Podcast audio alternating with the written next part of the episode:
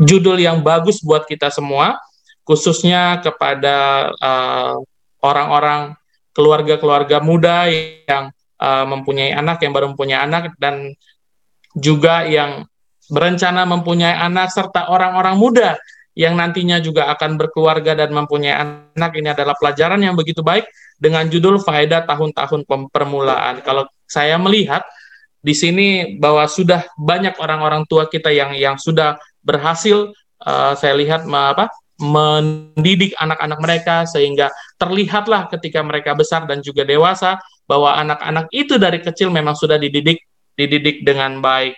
Kalau kita ingat kembali atau dengan cerita anak-anak bagaimana dengan kisah Esau dan Yakub itu adalah suatu pelajaran yang penting bagi kita semua ataupun rumah tangga semua ataupun keluarga. Karena kenapa? Karena kalau kita melihat kedua orang ini adalah uh, saudara kembar. Akan tetapi letak pelajarannya di mana sih? Baik kita semua memang sejak di kandungan melalui kalau kita baca di kejadian 25 Esau dan Yakub ini sudah ditentukan oleh Tuhan menjadi orang yang Eh, bertolak belakang. Artinya ketika pun mereka di kandungan Esau dan Yakub ini, mereka sudah saling bertolak-tolakan. Oleh karena itu, ketika mereka lahir dan dididik, suatu pendidikan yang saya bilang gimana ya? Uh, memang memang memang di sini Tuhan sudah menentukan jalan kehidupan mereka akan tetapi di sini mereka mempunyai tanggung jawab. Kita sudah mempunyai tanggung jawab sejak dilah sejak di dalam kandungan memang kita sudah ditentukan Allah kan tetapi kita mempunyai tanggung jawab dalam kehidupan kehidupan kita kita melihat bahwa ketika Esau lahir adalah dia menjadi seorang yang yang suka memburu dan itu adalah sangat disenangi oleh ayahnya oleh Ishak. Artinya Ishak lebih menyayangi apa? Esau daripada Yakub. Begitu juga dengan Ribka istrinya. Dia juga lebih menyayangi Yakub karena dia lebih dekat kepada Yakub. Inilah suatu pelajaran yang bisa kita lihat bahwa dari mulai pendidikan kecil mereka sudah apa? Memilih-milih anak mana yang saya sayangi. Akhirnya di dalam kehidupan mereka walaupun mereka kembar kalau kita melihat bahwa kembar ini seharusnya mereka mempunyai kesamaan ataupun mereka saling saling bantu membantu. Akan tetapi kita lihat dari Esau dan Yakub dari kecil sudah apa? Berkompetisi. Siapa yang lebih unggul? Didukung oleh apa? kedua orang tuanya. Saya lebih memilih Esau, ayahnya. Saya memilih Yakub, ibunya. Wow, ini pelajaran buat kita. Ketika pun mereka dewasa, akhirnya Ribka berhasil mempunyai dosa yang begitu besar untuk apa? Mengajarkan Yakub untuk berbohong kepada ayahnya. Suatu pelajaran yang luar biasa dan akhirnya ketika pun mereka dewasa, apa? Mereka apa? Ingin saling saling membunuh, Nah, ini pelajaran yang luar biasa, yang luar biasa kepada kita semua. Hati-hati. Jadi ketika kita uh, mem memiliki anak, kita kita apa? Ajari dari dari kecil. Di sini kalau kita masuk ke dalam pelajaran kita itu faedah tahun-tahun permulaan. Yang artinya kalau saya boleh baca di dalam satu perikop sedikit, tahun-tahun pertama masa kanak-kanak adalah periode yang paling penting. Pendidikan anak-anak pada tahun-tahun pertama dari kehidupan adalah suatu yang amat penting pelajaran-pelajaran yang dipelajari anak itu selama tujuh tahun pertama dalam hidupnya akan mempunyai pengaruh yang lebih besar terhadap pembentukan tabiatnya daripada segala sesuatu yang dipelajari pada tahun-tahun berikutnya.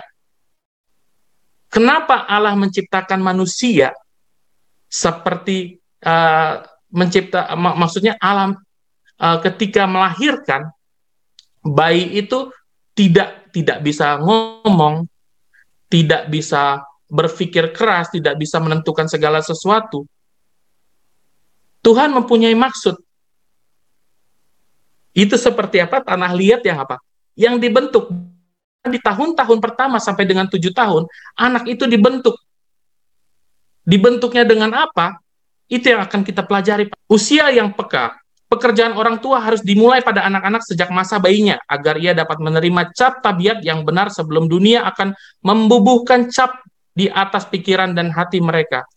Adalah pada tahun-tahun pertama dalam kehidupan seorang anak di mana pikirannya sangat peka terhadap kesan-kesan yang baik atau jahat. Jadi ketika masih bayi diharapkan kepada semua orang tua ini apa? Belajar belajar sabar, belajar mengucapkan kata-kata. Jangan sampai kata-kata ini mengecap di dalam pikiran anak-anak. Ini akan membuat tabiat mereka atau membentuk tabiat mereka dan kekuatan pikiran mereka, pengetahuan cukup adalah harta yang harta milik yang tidak bisa dibeli oleh dari Ofir. Dikatakan seperti itu. Jadi apa yang mereka ingat itu akan terbentuk bagi mereka. Jadi kita uh, ketika mempunyai anak kita kasih kata-kata yang baik, kita juga sesama suami istri juga apa? Saling menghargai, sa tidak ber, berucap-ucap keras atau gimana karena itu akan membentuk tabiat tabiat anak. Baik baik bayi, anak-anak kecil ataupun orang muda jangan sampai mendengar sepatah kata yang tidak sabar dari bapak ibu atau salah seorang anggota keluarga. Oleh karena itu mereka menerima kesan-kesan itu pada tahun permulaan hidup mereka dan apa yang apa yang orang tua perbuat kepada mereka sekarang ini begitulah jadinya besok, dan hari ini, berikutnya, dan seterusnya. Pelajaran-pelajaran pertama yang ditanamkan ke dalam diri anak-anak jarang dilupakan. Lalu, yang kedua, dasar diletakkan pada tiga tahun pertama. Ini pelajaran sekali buat ibu-ibu, dikatakan bahwa kaum ibu, pastikanlah bahwa engkau mendisiplin anak-anakmu dengan sepatutnya selama tiga tahun yang pertama dalam hidup mereka. Jangan biarkan mereka menjadi uh, Jangan biarkan mereka membentuk kehendak dan keinginan-keinginan mereka. Ibu harus menjadi pikiran bagi anak-anak mereka. Tiga tahun yang pertama adalah waktu untuk membengkokkan ranting yang kecil itu. Ibu harus memahami pentingnya jangka waktu ini. Pada waktu inilah dasar itu diletakkan. Ibu-ibu sini berperan sangat penting sekali. Karena kenapa dikatakan bahwa mereka yang mendisiplin anak-anak mereka selama tiga tahun pertama karena di situ dibilang mem, apa membengkokkan ranting yang kecil itu membentuk ranting yang kecil itu ke mana apa yang yang akan dibentuk jangan sampai masih bayi sudah dibiarkan untuk memilih jalannya sendiri ya terserahlah ya terserahlah jadi di sini ibu-ibu harus tegas ya ya atau tidak tidak itu yang ditekankan pada pada uh, tulisan ini Jangan sampai anak itu apa? Membentuk pikirannya sendiri, dipaksa untuk membentuk pikirannya sendiri ketika mereka masih bayi. Karena ini momen-momen yang paling paling penting. Lalu jangan tunda pekerjaan ini. Banyak orang yang melalaikan tugas mereka selama tahun-tahun pertama dari hidup anak-anak mereka sambil berpikir bahwa bila mana mereka telah menjadi besar, maka pada waktu itulah mereka akan sangat berhati-hati untuk mencegah yang salah dan mendidik mereka dalam hal-hal yang baik. Tetapi waktu yang paling tepat bagi mereka untuk melakukan hal ini adalah pada waktu anak-anak itu masih bayi di pangkuan mereka. Tidaklah patut orang tua memanjakan dan takluk kepada kemauan anak-anak mereka dan tidak dan tidak benar juga bagi orang tua untuk memperlakukan mereka dengan kasar. Tindakan-tindakan yang tegas, pasti dan jujur akan menghasilkan akibat-akibat yang paling baik. Ini adalah suatu tulisan yang bagus sekali bahwa di sinilah jangan ditunda. Jangan sampai, ah ya sudahlah, nanti juga udah gede, mereka akan baik sendiri. Oh no, tidak. Melalui tulisan ini tidak. Karena pada saat di pangkuan itu akan dibentuk. Ketika anak itu dipangku oleh ibunya, ibunya berkata lemah lembut, ibunya berkata sopan, tidak marah-marah kepada orang lain, anak itu ternyata di situ lagi dibentuk.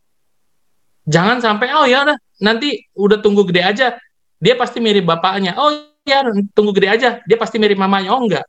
Ternyata inilah pelajaran yang baik, yaitu ketika ibu itu untuk apa?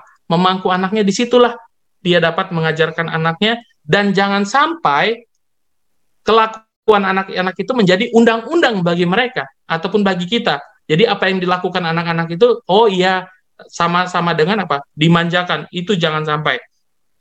Lalu Cegah usaha setan untuk menguasai anak bayimu. Para orang tua pada umumnya engkau gagal untuk memulaikan pekerjaanmu sejak dini. Engkau membiarkan setan menanami tanah hati dengan menaburkan benih-benih yang pertama. Engkau mempunyai satu pekerjaan untuk dilakukan agar setan tidak dapat menguasai anak-anakmu dan merebut mereka darimu sebelum mereka terlepas dari tanganmu. Ibu, engkau harus memastikan bahwa kuasa kegelapan tidak akan menguasai anak-anakmu. Engkau harus meneguhkan kehendakmu sehingga musuh tidak akan mengangkat bendera kegelapannya di dalam rumah tanggamu. Ini diingatkan kembali adalah berbicara tentang waktu. waktu yang dimiliki oleh bayi-bayi, anak-anak, tahun permulaan-permulaan, 1 sampai 7 tahun. Hei, ibu-ibu, jangan sampai biarkan anak-anakmu mempunyai waktu kosong kepada mereka memilih jalannya sendiri. Hati-hati, karena setan akan apa? Mengambil waktu tersebut. Inilah di mana peran kita untuk mengajari di mana menyanyi, renungan pagi, walaupun awal-awal pertama-tama atau tahun-tahun pertama satu sampai tujuan tahun dikatakan jangan memberi kesempatan. Jadi renungan pagi, membaca Alkitab, menyanyi, dan satu peran penting kepada sekolah sahabat anak-anak. Ini sangat penting sekali bahwa harus ditanamkan oleh eh, Departemen Sekolah Sahabat Anak-anak bagaimana anak-anak itu dapat mengenal firman Tuhan. Jangan sampai apa eh, setan menggiring anak-anak kita ke dalam ke dalam tangannya. Lalu di sini ada cerita tentang pahala Hana, kesempatan-kesempatan kita belajar tentang Hana, kesempatan-kesempatan yang tidak ternilai harganya, pekerjaan yang amat berharga, telah diserahkan kepada setiap ibu. Selama tiga tahun pertama dari kehidupan Nabi Samuel, ibunya dengan seksama mengajar dia untuk membedakan antara yang baik dan yang jahat. Melalui setiap benda yang dikenal, yang ada di sekelilingnya, ia berusaha menuntun pikiran anaknya kepada kepada Tuhan dalam menggenapi nazarnya untuk menyerahkan anaknya kepada Allah. Dengan penuh penyangkalan diri, ia telah menempatkan dia di bawah pengawasan Eli, imam besar itu, untuk dididik bagi pelayanan di dalam rumah Allah. Ternyata Samuel, kalau kita lihat, dari umur tiga tahun, sudah apa? Diajak untuk melayani di gereja, diserahkan kepada imam. Jadi artinya di sini tidak ada kendala bagi kita bahwa oh anak kita anak saya masih satu tahun atau dua tahun belum bisa ngomong ah ngapain sih ikut sekolah sahabat anak-anak? Ah ngapain sih ikut cerita anak-anak di depan? Ah ngapain sih uh, nanti aja lah umur lima tahun mereka sudah bisa nyanyi atau gimana oh tidak. Ternyata Nabi Samuel diajarkan bahwa dari umur tiga tahun dia sudah diajak dia sudah belajar di gereja dan dia sudah apa? Ikut sekolah sahabat anak-anak mungkin pada sahabat ini. Jadi kesimpulannya ialah hasil pendidikan yang bijaksana suatu fakta yang menyedihkan bagi setiap kelemahan dan ketidaktentuan di pihak ibu dengan cepat dilihat oleh anak-anak dan si penggoda itu kemudian bekerja pada pikiran mereka sambil menuntun mereka untuk berkeras dalam mengikuti kecenderungan mereka. Jikalau orang tua jikalau orang tua mau memperkembangkan sifat-sifat yang diperlukan oleh mereka untuk digunakan dalam mendidik anak-anak mereka dengan sepatutnya, jikalau mereka jikalau mereka mau menjelaskan di hadapan anak-anak itu peraturan-peraturan yang harus mereka ikuti dan tidak membiarkan peraturan-peraturan ini untuk dilanggar, maka Tuhan akan bekerja sama dengan mereka dan memberkati baik orang tua demikian juga anak-anak itu. Jadi kalau sejak kecil kita sudah uh, mengajak hari Sabat itu anak-anak kita untuk gereja, mengajak untuk tepat waktu, itu adalah suatu peraturan-peraturan yang dikatakan bahwa Tuhan akan bekerja sama dengan orang tua. Tuhan akan bekerja sama dengan kita untuk mendidik anak-anak tersebut. Jangan sampai dilepaskan.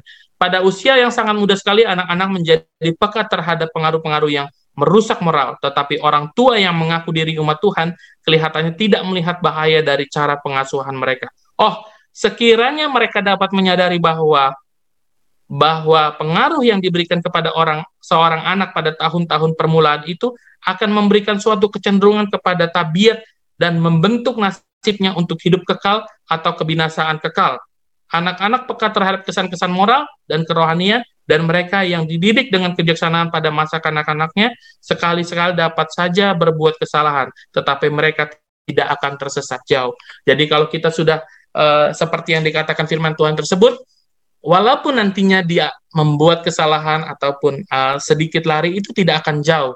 Dia akan cepat cepat kembali kepada kepada jalan yang benar. Inilah uh, renungan singkat kepada kita. Biarlah ini juga dapat menjadi suatu pengetahuan buat kita firman Tuhan yang begitu indah dan kita akan lebih baik lagi merawat anak-anak kita ataupun nanti ketika uh, sudah punya anak ataupun yang berencana berumah tangga agar tahu bahwa tiga tahun pertama sampai dengan tujuh tahun itu adalah masa-masa penting bagi bagi anak untuk untuk diberikan eh, pesan-pesan dari kedua orang tuanya sebagai pondasi hidup mereka.